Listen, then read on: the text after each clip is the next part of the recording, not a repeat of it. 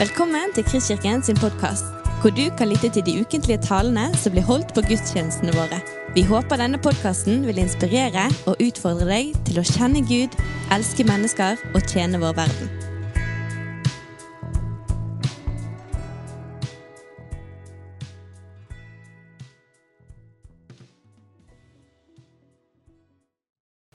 Det hellige evangeliet for denne dagen står skrevet av evangelisten Markus, kapittel 10.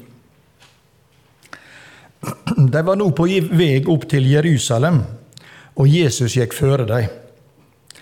Læresveinene var otefulle, og de som fulgte han var redde. Da samla han atter de tolv kring seg og tok til å tale med dem om det som skulle hende han. Sjå, vi dreg opp til Jerusalem, og menneskesonen skal gjevast i hendene på overprestene og de skriftlærde. De skal døme han til døden og gi han over til heidningene. Og de skal spotte han og spytte på han, piske han og slå han i hjel. Og tre dager etter skal han stå opp igjen.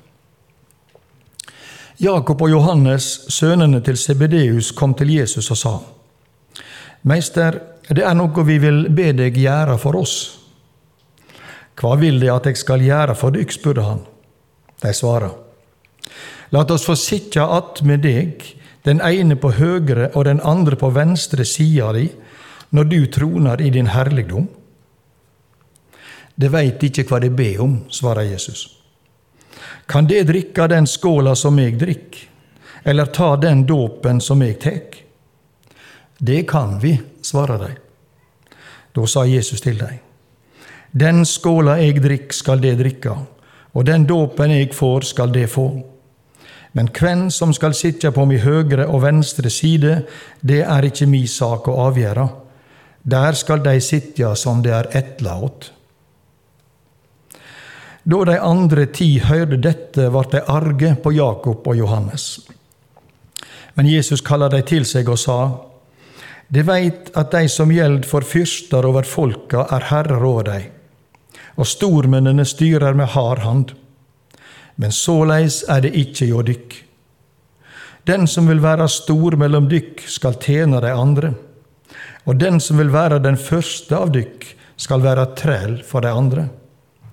For menneskesonen er ikke kommet for å tjenast, men for å tjene og gi livet sitt til løysepenge for mange. Så lyder det hellige evangeliet.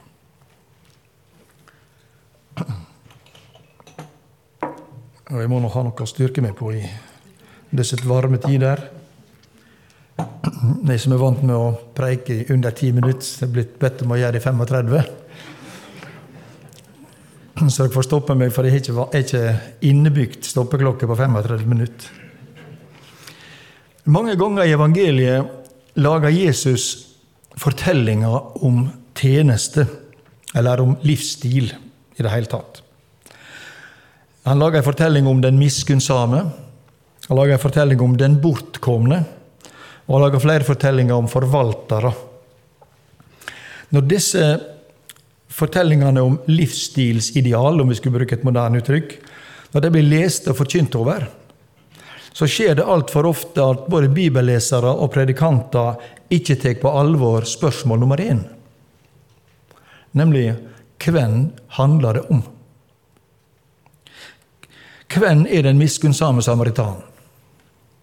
Hvem er den bortkomne sønnen? Hvem er den kloke forvalteren? Og Det overraskende svaret på alle disse spørsmålene er hele veien det er Jesus sjøl. Og uten at det blir gjort klart, så ender formaningene over disse tekstene gjerne som moralistiske appeller om å ta seg sammen, om å gjøre så godt en kan, eller bli så bra som mulig. I evangelieteksten vår i dag gjør om den gode tjeneren. Der kobler evangelisten det Jesus sier, så, så nøye til to tekstbolker som gjør, det, gjør, at det blir umulig å unngå denne misforståelsen. Ordet om tjeneren er plassert mellom fortellinga om Jesu lagnad i Jerusalem og ordet om menneskesonen som er kommet for å gi liv sitt. Og Da finner vi den livsstilen Jesus spør, Gud spør etter nettopp hos Jesus. hos Han som stiger ned til den lågastliggende stad på jorda, Dødehavet. Han som frivillig og med åpne øyne gir livet sitt i hendene på religiøse ledere og romerske soldater, til å bli spytta på, piska og slått i hjel. Han er kort, sagt, kort sagt den gode tjeneren som er kommet for å gi livet sitt. Gud har en plan med ditt liv, synger Trygve Bjerkreim. Han har en plan med ditt og en annen plan med mitt. Og han gjør forskjell på folk. Han er uventa lite interessert i hvem som er rik og hvem som er fattig. Gud har nemlig lagt inn i livet ditt alt det du trenger for å leve. Og i alle truende sitt liv har han til og med lagt inn sjølve arvesølvet sitt, som er Den hellige kyrkja, som er det, det høgverdige evangeliet, og som er de hellige sakramenta. Og med dette som utrustning har Gud en plan med ditt liv. Dette tenkte Gud ut før verden ble skapt, står det i begynnelsen av Efeserbrevet.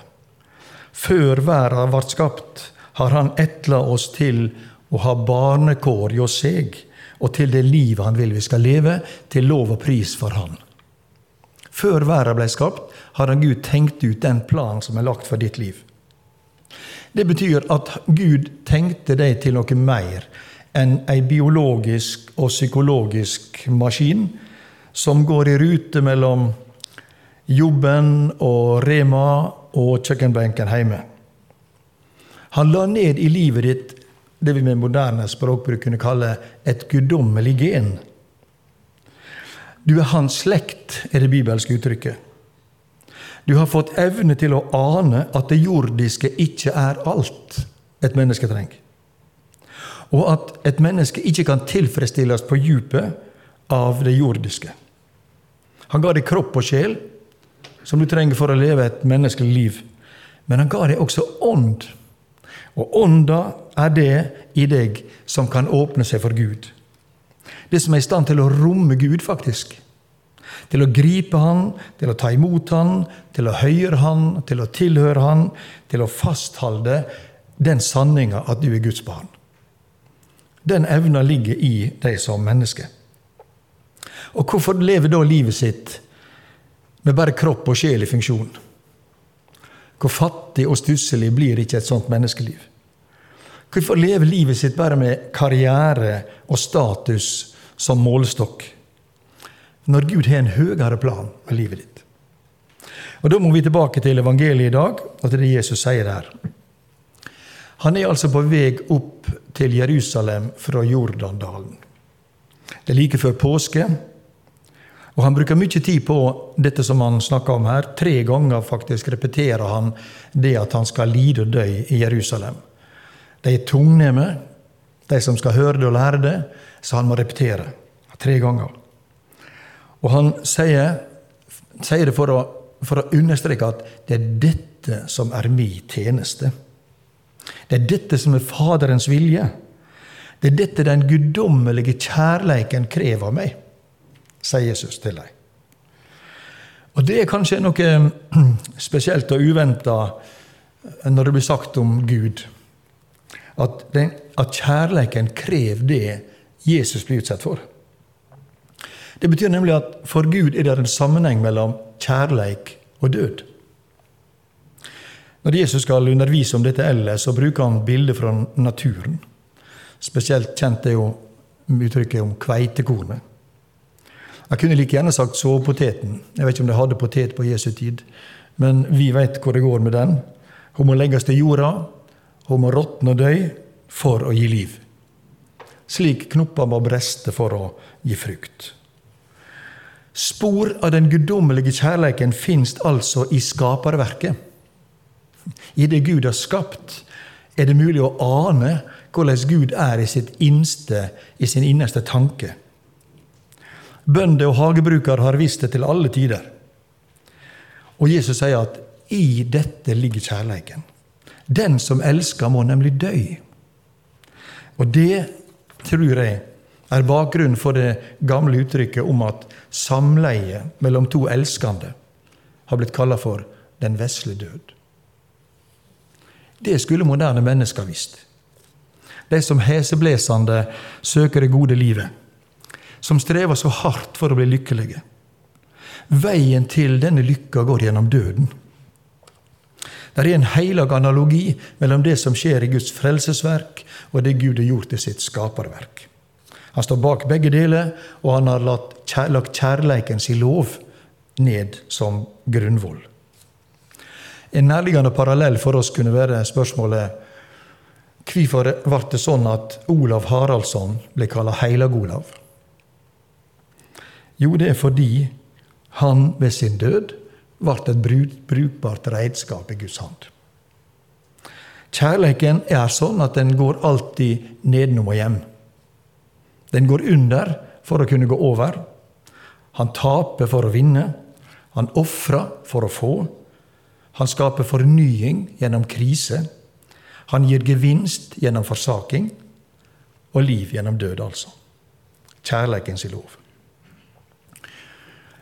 For moderne mennesker er dette her sikkert både overraskende og smertefullt å erkjenne.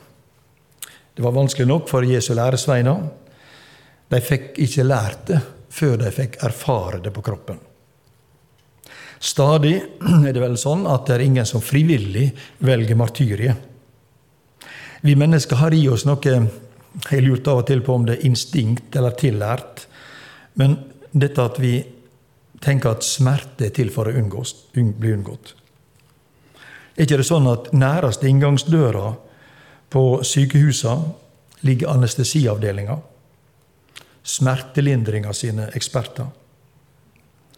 Så vår tid tenker jeg er gjennomsyra av idealet 'det skal ikke være smerte'.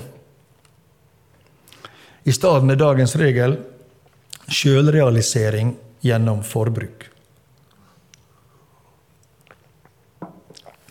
Samfunnet vårt lever etter regelen om at forbruk gjør mennesket lykkelig. Barn lærer ikke i dag om kveitekornets lov. Forbruk og forsaking er motsatte størrelser. Slik som karriere og kall er det. Det var ikke det Gud sa, at du skal heidre karrieren din og lønnsstegene dine, så skal det gå deg godt og du får leve lenge i landet. Nei, han sa når du skal bli lykkelig, må du leve i pakt med Skaperens ordning. Du må sette familien din høyt.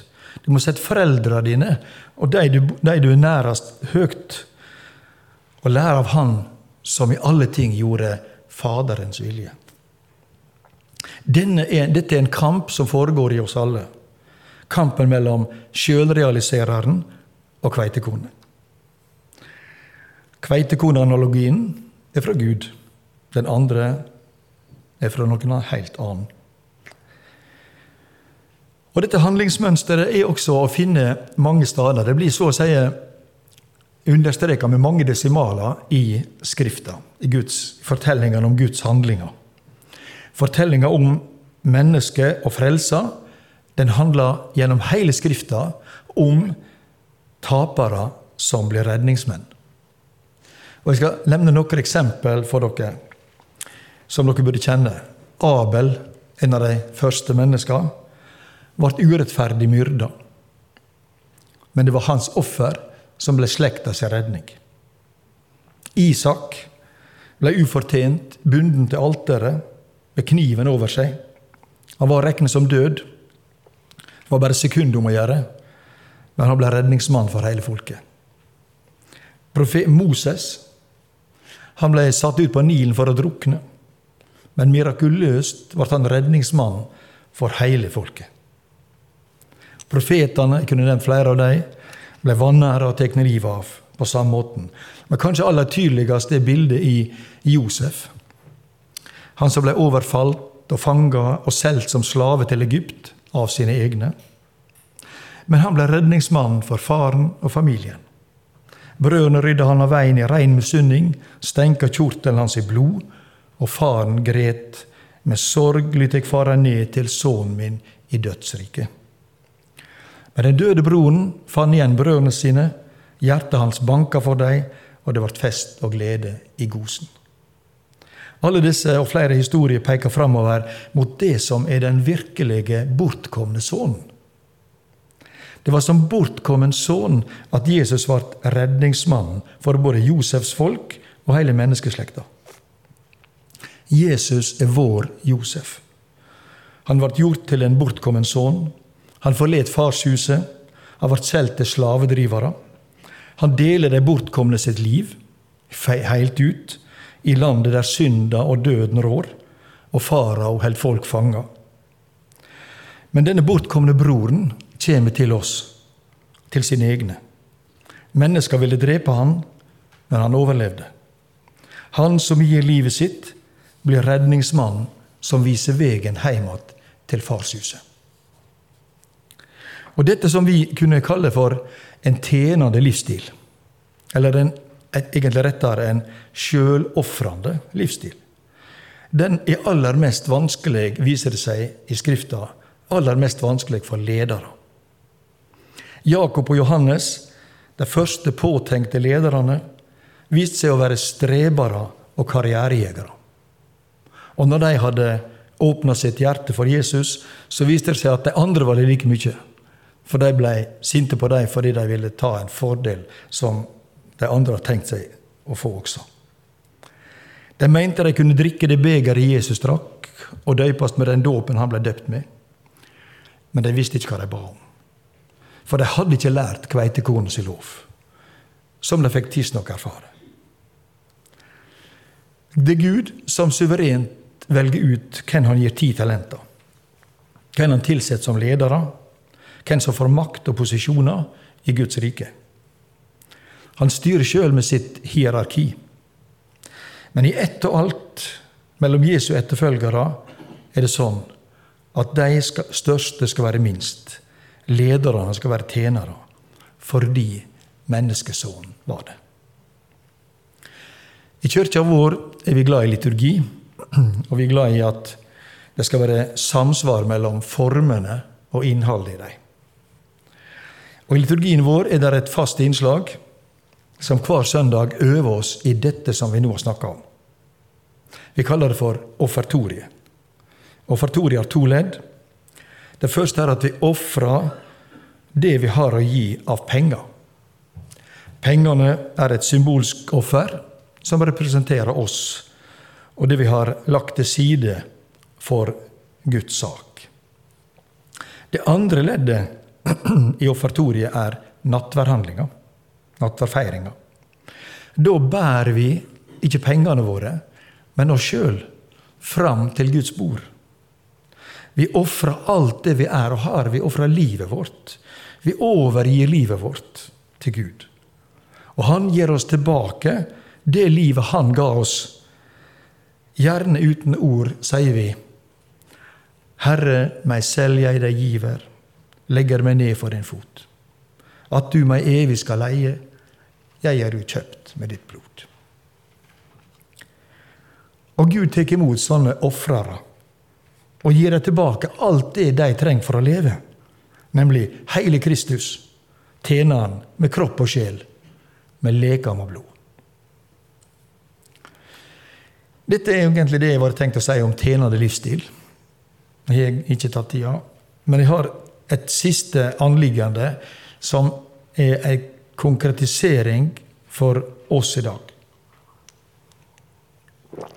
Eller egentlig tre anliggende. Jeg har lyst til å gi dere tre ord som har vokst ut av denne innsikta som ligger i denne, denne teksten, og som prøver å applisere den på oss som lever her og nå. I vår generasjon tenker jeg at vi blir sett på prøve på disse tre punktene spesielt. Ulike tider krever ulike ting av mennesket. Det første er at forbruk i stedet for forsaking er vår hovedfreisting. Det blir venta at vi skal passe inn i konsumsamfunnet. En forbruker er en som et maten og nyter livet som noen han har skapt sjøl. Jeg fortjener det, er omkvædet. Han tar sitt daglige brød for gitt uten å be bordbønn, gjerne. Det er bare den gode tjeneren som tenker annerledes. Hva vil Herren min at jeg skal bruke tid og krefter og penger og ressurser på? Og når forbrukerbudskapen og mentaliteten er slått opp som plakat på alle skjermer, da blir den gode tjeneren veldig godt synlig i terrenget. Han er annerledes. Påminning nummer to, nødvendig i vår tid, er at den gode tjeneren veit med seg sjøl at han representerer det hellige, eller den hellige. Vi lever i ei tid da alle, hver, alle dager blir gjort til hverdager. Det er ikke lenger selvsagt, sånn som det var når jeg var liten, at det var forskjell på søndagskle og hverdagskle. Men vår samtid vil jamne ut alle høgder i livet og vil ha likestilling også mellom Gud og menneske. I en sånn tid må gode tjenere gjenreise agen for det hellige og for den hellige. Og det tror jeg starta med helgedagen. En kristig tjener holder hviledagen heilag. Det vil si, han hviler og søker Gud og feirer gudstjeneste. Å droppe søndagsgudstjenester er faktisk å regne som synd. Agen for, det hele, for heilagdom vil så følge den, den truende gjennom hele vika. Den må tilegnes, det må bli en livsstil som gjennomsyrer livet hans. Et sitat fra Rolf Jacobsen som jeg liker veldig godt. Vi bukker ikke så dypt her i landet. Til det er det for bratt.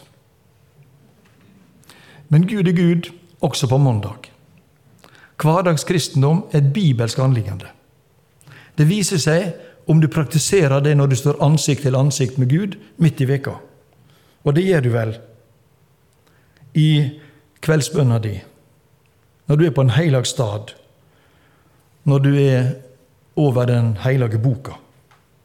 Den som har Den heilage for øye da, han bukker litt djupere enn det som er vanlig her i landet.